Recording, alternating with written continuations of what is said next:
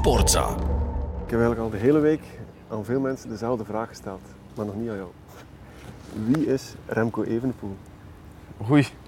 Uh, goh, ik denk dat dat heel moeilijk is om op te antwoorden. Ik kan er niet echt een, uh, ja, een echt antwoord op geven, maar ik. Hoe heb je deze Vuelta kunnen winnen? Met een heel lange en maniacale voorbereiding. Met het idee om een top 5 te rijden en een rit te kunnen winnen.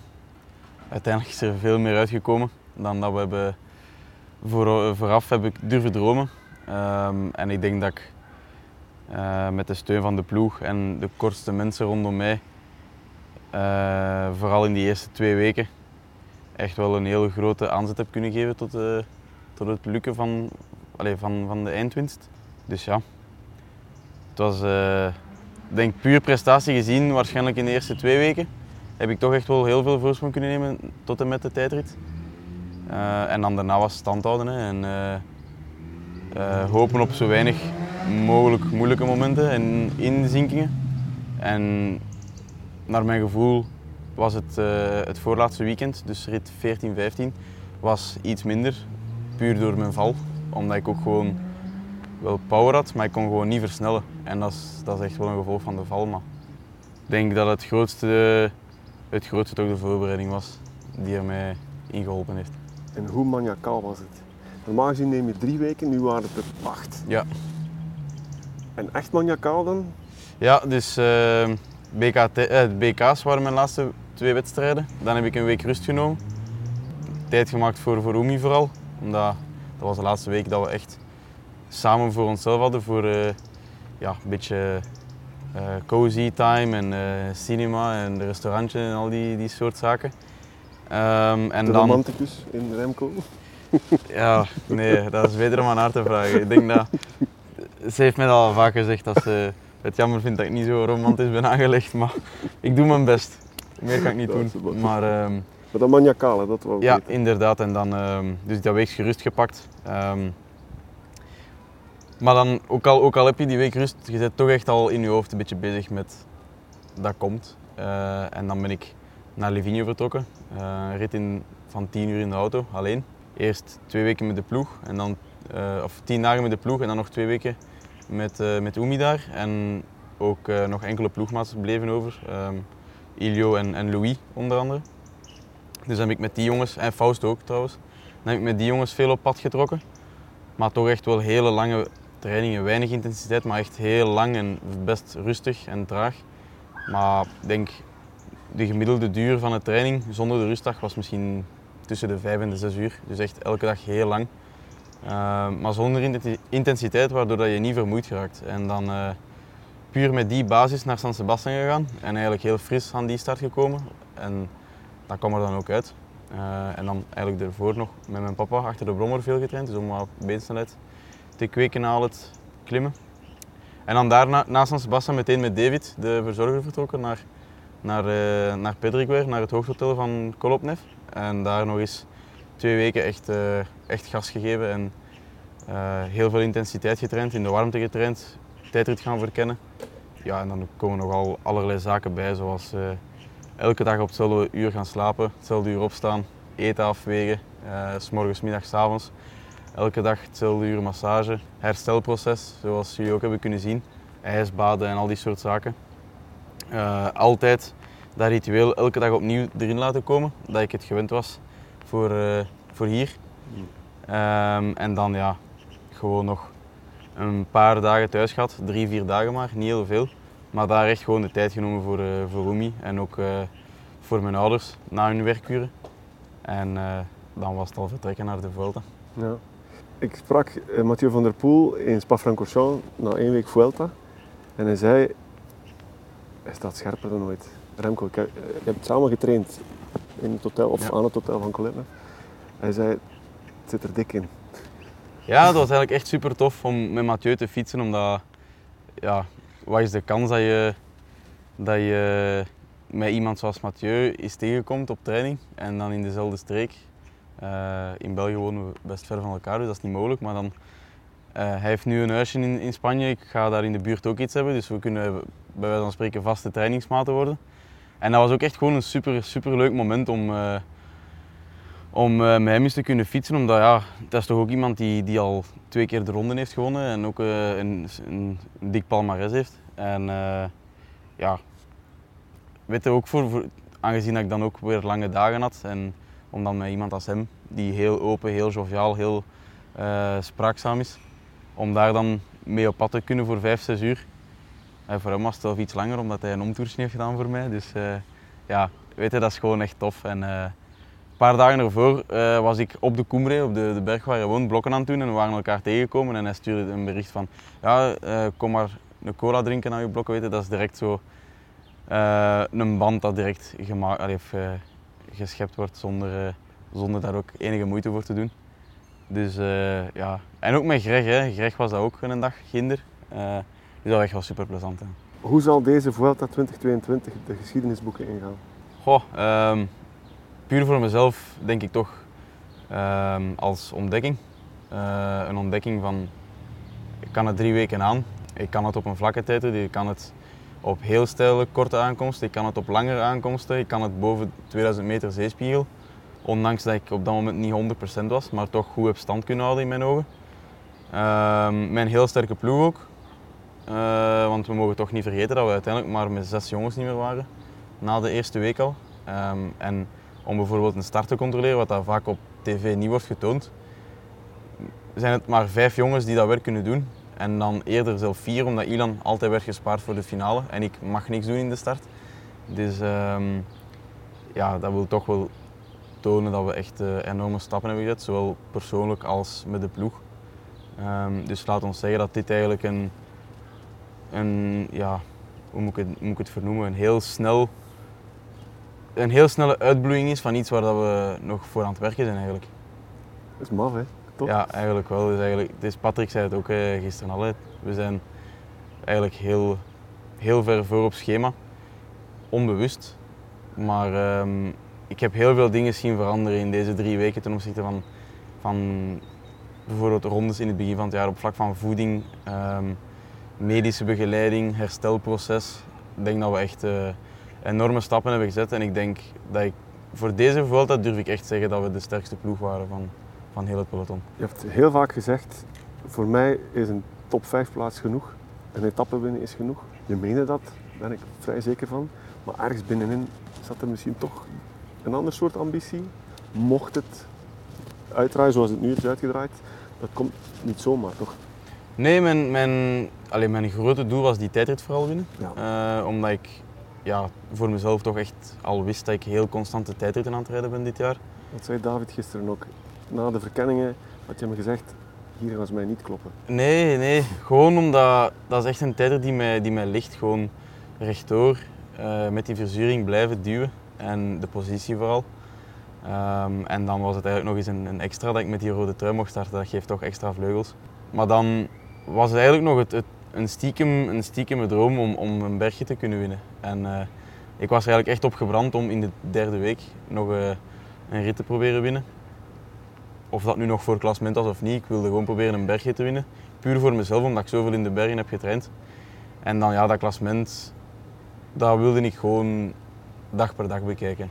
Um, slechte dag, ja of nee? Uiteindelijk niet echt. En ja, dan sta je in het en dan zeg je, dan bespreek je, gaan we trui houden, gaan we hem nog afgeven, wat gaan we doen? Want ja, rit 6 in het is echt nog een hele lange weg te gaan. Um, en uiteindelijk heb ik gezegd van kijk, ik heb vorig jaar de roze trui met 10 seconden gemist. Nu heb ik die rode, ik wil er zo lang mogelijk van profiteren. En uh, dag per dag ging het ook, uh, werd het beter en dan win ik in het rood op, in, uh, in Alicante. En dan rit 12 val ik, hou ik stand. Rit 14 verlies ik dan tijd, maar blijf ik nog altijd met, met ruim twee minuten voor. En dan ja, de Sierra. Uh, Nevada was dan de grote, denk het grote kantelpunt voor iedereen binnen de ploeg en ook in mijn hoofd. Moest ik daar gekraakt zijn, had het gedaan geweest. Maar we hebben daar ook een heel, een heel matuur team gezien, denk ik, van, on, van onze kant uit. Met Louis die dan mee in de vlucht was en die dan nog ja, bijna 10 kilometer op kop reed voor mij. Um, en dan uiteindelijk ja, was het aan mij om, om de schade te beperken en dat is ook goed gelukt. Maar ik denk vanaf dan, vanaf de tweede rustdag, allee, de derde rustdag eigenlijk, hadden we echt iets van nu gaan we vol voor die rode trui. En we geven er elke dag ons, ons maximale voor en we zien wel wat er, wat, er, uh, wat er van komt. Uiteindelijk win je dan nog de voorlaatste bergrit. En dan is het geloof zo groot dat iedereen gewoon 10% boven zijn kunnen in die derde week nog boven stijgt. En dat was echt prachtig om, om te zien bij de jongens. Het feit dat Primoz Roglic uitvalt is spijtig, maar wel een enorme meevaller voor jou, toch? Ja, dat moeten we niet ontkennen. Hè. Primoz is uh, in mijn ogen samen met, met Vingegaard, Pogacar, uh, die drie dat zijn op dit moment gewoon de beste uh, rondrenners die er, die, er, die er zijn. Ik hoop dat ik mij daar snel, allez, met mijn veldoverwinning nu, kan ik wel met overtuiging zeggen dat ik er ook wel kort bij kom, maar dat is toch nog een, nog een allez, ik zou me graag vroeg of laat echt wel willen meten met die mannen. Dat is denk ik logisch dat ik dat op de dag van vandaag kan en mag zeggen. Maar uh, ik stond ook wel voor op dat moment. Weet ik. had hem ook al een paar keer tijd uh, ja, aangeveegd. rit 9, rit 6 en in Alicante. Dus drie keer dat ik hem eigenlijk voor was. En hij pakte dan tijd op mij op rit 14 en 15. En rit 15 was al veel minder dan 14. Dus allee, hij was heel gemotiveerd sowieso, maar denk, ik stond nog altijd voor. Ik stond nog altijd dikke anderhalve minuut voor en dat is best veel. En, uh, de verschillen in rit uh, 18 waren helemaal niet groot, omdat het gewoon een, een, heel lastige rit was. Dus iedereen was echt gewoon afgepeigerd aan de meet. En dan gisteren hetzelfde. Uh, die, die laatste rit, allee, voorlaatste rit, was echt gewoon van in de start volle gas. En bij iedereen was het beste er gewoon af. En voor mij was het dan makkelijker om te controleren. Dus het, het maakte het gewoon makkelijker dat ik maar één iemand niet meer moest controleren. En dat was Mas. Natuurlijk, als je een Roglic en Mas hebt, dan kunnen die om de beurten beginnen aanvallen. Maar natuurlijk kunnen ze ook niet tegen, met elkaar gaan koersen, want dan kunnen ze ook in een slechte situatie komen. Dus ik stond er nog altijd beter voor op het moment dat Primoz eruit valt. Maar het is, is, een feit dat het uh, voor de koers en vooral voor hemzelf heel jammer is. Hè. Week 3. Ondertussen is er in België van alles aan het borrelen en, en daar krijg je wel van licht iets van mee. Ja, toch wel. Hè? Um, het feit dat er een tv-programma bijna volledig in functie van jouw Vuelta wordt gemaakt, verandert dat de zaak een klein beetje? Um, van stress bedoel je? Ja, iets. Is dat, heeft dat iets in jouw hoofd doen bewegen of totaal niet? Ah, toen ik wist dat, uh, dat Vivre Velo met zeven afleveringen kwam en elke dag een, uh, iemand van de ploeg erin uh, ging zetten, gaf dat eigenlijk een extra boost en een extra motivatie. Omdat ik gewoon wist van ja, ehm, de jongens binnen de ploeg die gaan mij sowieso verdedigen en die gaan er, het, er, het positieve proberen uit te halen en, en te, op tafel te leggen. Dus het is niet dat dat, dat echt naar mijn, naar mijn hoofd is gaan stijgen of mij heeft begin, beginnen doen twijfelen of, of wat dan ook. Vorig jaar zal het misschien anders geweest zijn, maar dit jaar denk ik dat ik voor mezelf echt wel stabiel genoeg ben geworden om, om daar niet meer door beïnvloed te geraken. Uh, maar ik moet toch eerlijk toegeven dat de laatste avond, uh, dus de avond van 19 op 20, echt wel een heel stressvolle avond was. Geen, uh, geen topnacht gehad. een heel, waar gewoon, je begint je dingen in te beelden. Hè. Wat als het wat als het fout loopt, wat als het goed gaat, wat als, ja, wat als, wat als de hele tijd. Hè. En dan uh, val je minder goed in slaap. Ben je vroeger wakker dan normaal. Uh, aan het ontbijt gespannen. Uh, het is wat moeilijker om, om die extra boterham binnen te steken en zo. Dus ja, het was gewoon echt. het was, ik was blij dat, dat de koers vertrokken was, dat we ons ding konden beginnen doen. Ja, zoek je dan nog iemand om je mentaal een beetje te helpen of niet? Nee, ja, de avond ervoor was Oemi toegekomen, hier ook hier in het hotel.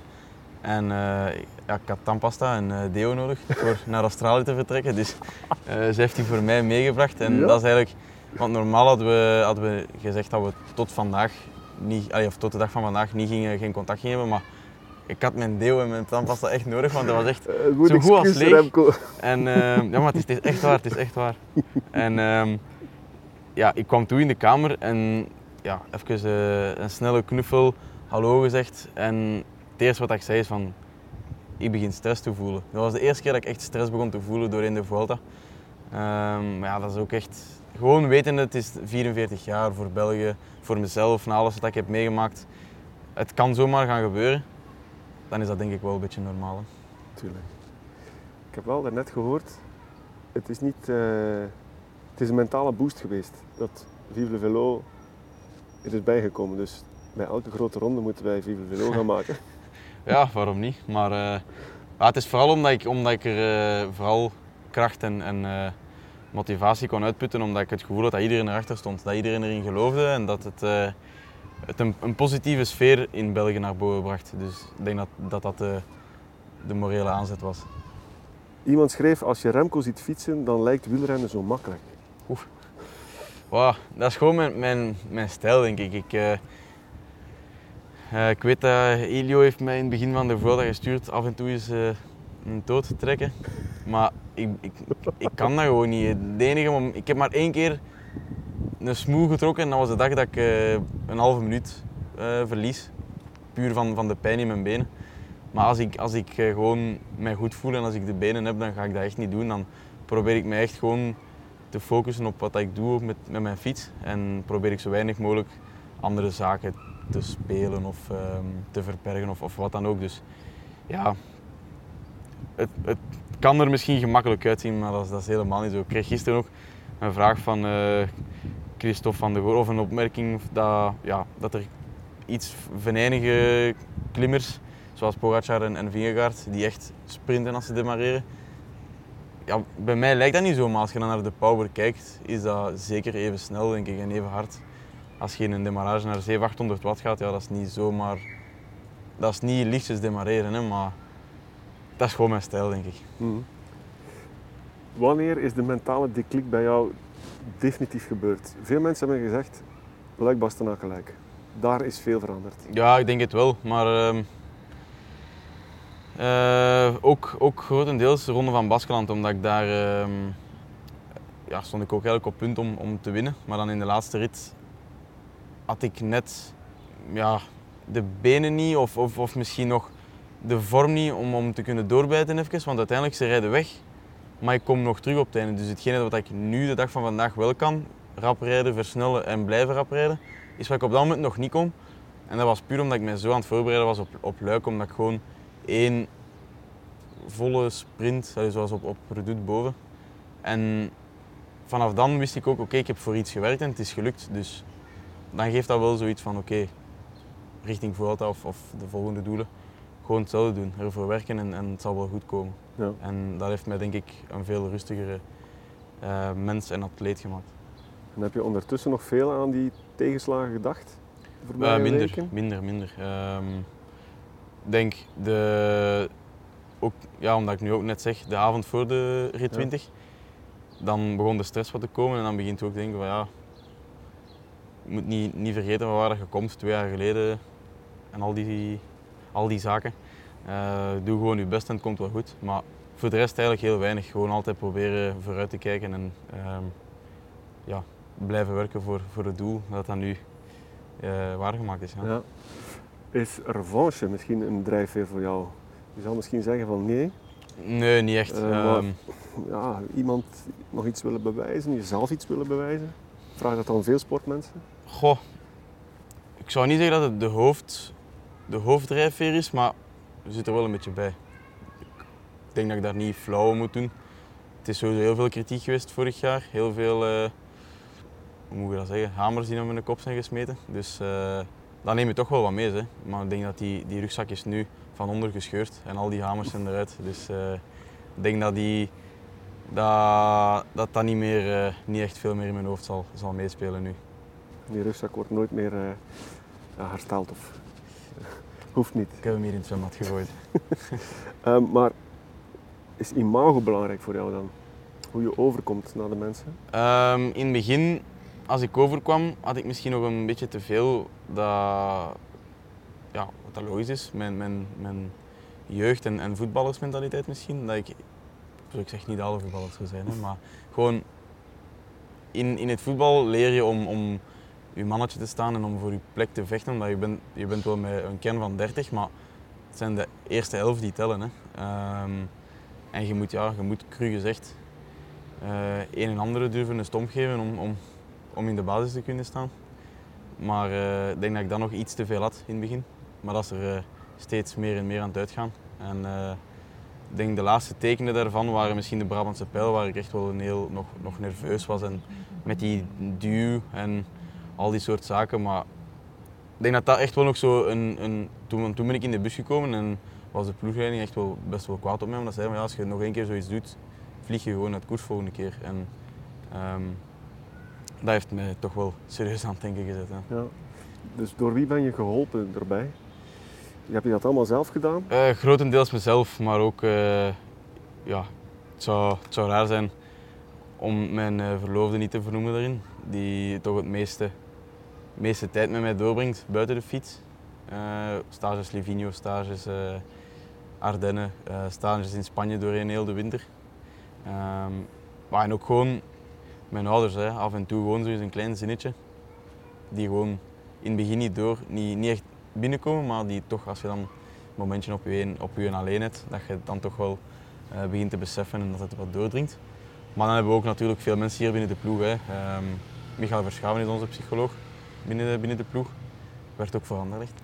Ja. Dus, dat is een, een goede link. Ja, Maar ja, eh, nee, ik wil maar zeggen, die, die probeert gewoon met mij gesprekken te hebben. Het is zo geen, geen psycholoog van het boekje, maar eerder zoals jij nu met mij doet, een gesprek te voeren en proberen dingen eruit te halen.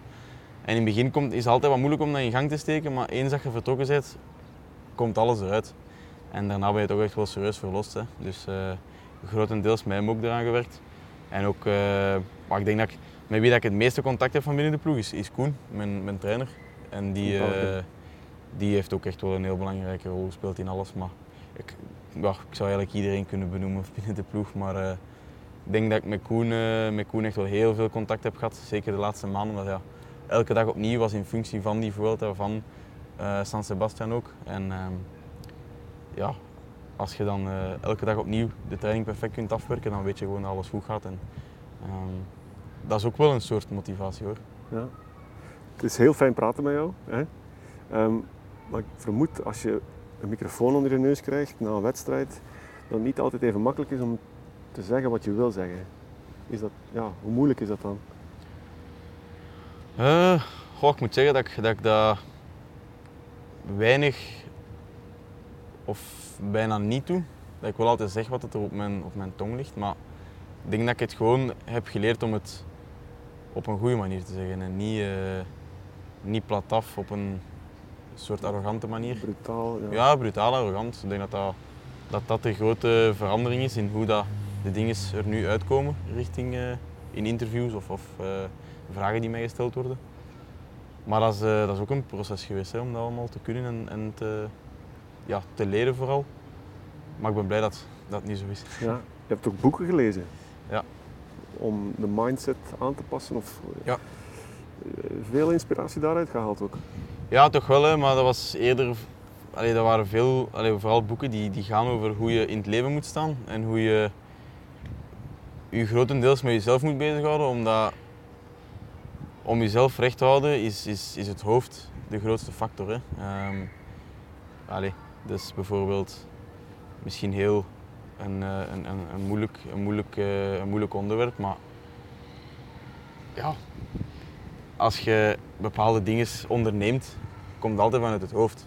Dus ehm, een, een, iets, iets beroven of weet ik veel wat, eh, of zelf een, een moord plegen of zo, dat, dat zit in het hoofd. Hè. Dat, is niet dat, je, dat is niet dat iemand je dat zegt, ah, of ik zeg tegen je, ah, Sammy, je moet dat morgen doen. Je gaat dat niet doen dan. Ja. Maar dat is puur als dat in je hoofd zit van ik moet dat doen, dan ga ik dat doen. En dat is ook hetzelfde met ehm, bijvoorbeeld 's morgens opstaan en zeggen ah, ik heb zes uur, maar met blokken. Ik moet het doen of ah, ik ga het doen. En het zijn maar twee woordjes, ja. maar dat is wel een heel. En ik wil het doen vooral. Dus dat zijn twee heel grote ja, aanpassingen in één zinnetje maar. Mhm. Of eh, tegenovergestelde. Ja. Kenners zeggen dat je je zwakke punten op heel korte tijd hebt kunnen omdraaien in misschien zelfs sterke punten. En naar het schijnt kunnen alleen de absolute toppers dat in zo'n korte tijd. Dat is een enorm compliment dan dat je krijgt. Ja, zeker. Ehm, maar dat is, niet, dat is niet zomaar gekomen. Ik heb, eh, kan me nog perfect uh, de dag herinneren dat ik uh, mijn eerste steile klimtraining had in Livigno. En dat was als ik met, met Ilio op pad was. Dus we deden eerst een soort opwarmingslus door, over, gewoon noemt hem daar weer, Forcola, dan naar beneden, Tirano en dan zo naar Mortirolo. En dan moest ik daar twee keer op. Maar ja, je doet dat niet graag. Hè. Het was daar 40 graden beneden. Mortirolo omhoog, stijl, je gaat 10 per uur, die warmte vol op u. Maar ja, het heeft allemaal, allemaal geloond en uh, ik ben het ook graag beginnen doen. Eerst deed ik het niet graag. En bijvoorbeeld als ik met, met Siebe ga trainen, met mijn trainingsmaat van, uh, van thuis, Siebe dan, dan die zegt ook vaak van ja, die stijle kastjes op training, doe het echt niet graag. Maar ik heb gezegd van ja, als je het op training gaat doen, ga je het in de koers ook niet kunnen. En dat is eigenlijk iets dat ik ook ben, ben steeds meer gaan beginnen doen, ook in, in Spanje. Um, een van de laatste dagen ben ik een klim van, van 7, 6, 7 kilometer aan, aan 10, 11 procent op gaan rijden. Gewoon puur omdat, omdat ik wist, dat ga in de Vuelta ook komen. Je moet dat, je moet dat kunnen. En uh, het is door eraan te werken dat, dat het lukt. Hè. Mm. Ja, je bent nu een grote ronde winnaar. Wat wil dat zeggen voor je toekomst? Het is heel simpel gevraagd. Je zei het al, ik, wil ik wil me meten met Pogacar, met Vingegaard, met Roglic. Ja, dat denk, staat jou nu te wachten. Ja, ik denk dat, dat, dat we vooral binnen de ploeg eens goed gaan moeten... Omdat dit jaar heb ik eigenlijk alles op luik gezet eerst en dan daarna alles op de Vuelta. En het is alle twee gelukt. Dus ik kan wel twee typen renners zijn in één jaar, maar dat vergt heel veel mentale weerbaarheid en heel veel voorbereidingswerk. Omdat ik ben bijvoorbeeld drie kilo lichter ten opzichte van Luik nu. Uh, maar de power is wel hetzelfde gebleven. Dus dat zorgt ervoor dat je bergop gewoon sneller rijdt. Uh, maar bijvoorbeeld moest ik nu, ik zeg maar eens, de Giro rijden, dan zou je moeten zeggen, ja, dan steekt je eigenlijk heel het voorjaar in functie van, um, van de grote ronde. Dan moet je eigenlijk al licht staan in de winter, omdat je niet op, op twee maanden tijd drie kilo eraf krijgt. Um, en dan moet je in het najaar gaan zien, wat wil je doen? Wil je alles op 2K zetten of wil je voor uh, één wedstrijden gaan, Zwitserland, Tour, Vuelta. Dat zijn dingen die we nu goed gaan moeten bespreken, maar ik denk dat, dat dit wel de aanleiding heeft gegeven om toch elk jaar te proberen voor een mooi resultaat in een grote ronde te gaan. Heb je daarvoor het geduld? Je hebt zeker de tijd. 10 jaar, misschien 15 jaar zelfs, als je daar zin in hebt. ja, ik denk, maar 22, ja, hè? Ja, het grote, het grote ding is vooral Luik. was echt mijn, mijn droomkoers om ooit eens te winnen. Maar de grote rondes, dat is, een, dat is eigenlijk een project van elk jaar. Je moet daar elk jaar voor werken. Voor een, een klassieker kun je eigenlijk op drie weken tijd echt klaarstomen. Of pakt een maand tijd. Maar voor een grote ronde zoals nu heb ik er drie maanden voor moeten werken om echt top te zijn. En ook al in de winter, in functie van Luik, maar met gedacht ook voor de Vuelta die nog kwam. Um, dus ja, nu, nu is het vooral ook samenstelling van, van de ploeg richting een grote ronde. Sprinter, geen sprinter. Um, paar klassieke mannen om, om op kop te rijden. Ik zeg maar iets, uh, Yves Lampaard om mee te begeleiden. Want Dries gaat, gaat bijna stoppen natuurlijk en, en Ilio stopt dit jaar. Maar dan heb je ook nog... Wordt ploegleider? Ik hoop het. Ja? Dat ik, is, al, is al, ligt al vast, ja. Ja, ik dacht dat dat toch schemerde. Maar ik hoop dat het uh, snel, snel bekend kan gemaakt worden of, of kan, kan echt vastgelegd worden. Omdat ik denk nog altijd niet dat het 100% zeker is. Ja, maar goed. Het zal er wel. Stel je zal, voor. Ja. Ja, ja, dat zou nog een droom zijn. Hè.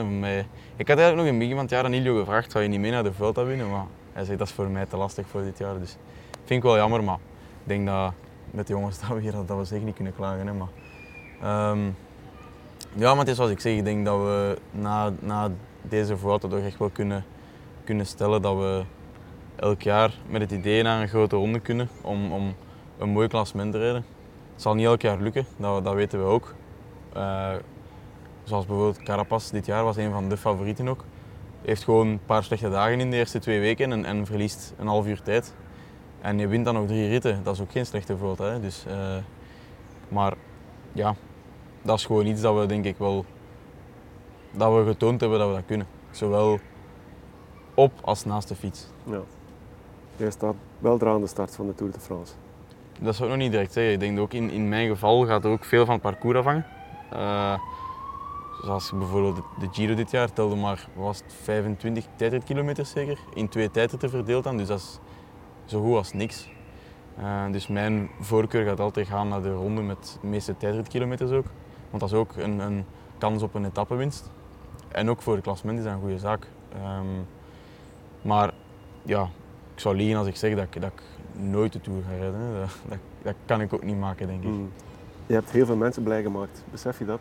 Ja, dat begint meer en meer wel binnen te dringen. Uh, ik denk het belangrijkste is vooral dat ik, uh, dat ik er zelf ook van geniet. Hè. Uh, het is vooral iets waar ik zelf heel, heel hard over gedroomd heb en voor gewerkt heb. Maar iedereen die er zijn ook een, een heel klein kiezeltje heeft aan bijgedragen, verdient alle aandacht en, en, lof en eer. En, uh, ja. Het, is, het is geen, geen individuele overwinning. Een grote ronde ben je niet alleen. Dus iedereen die er ook maar iets aan toegedragen heeft, verdient, alle, ja, verdient het even hard als, als dat ik het zelf uh, verdien, denk ik. Ja, en achteraf in jouw retoriek zeg je bewust België. Ik heb het voor België willen doen. Waarom ja. zeg je dat?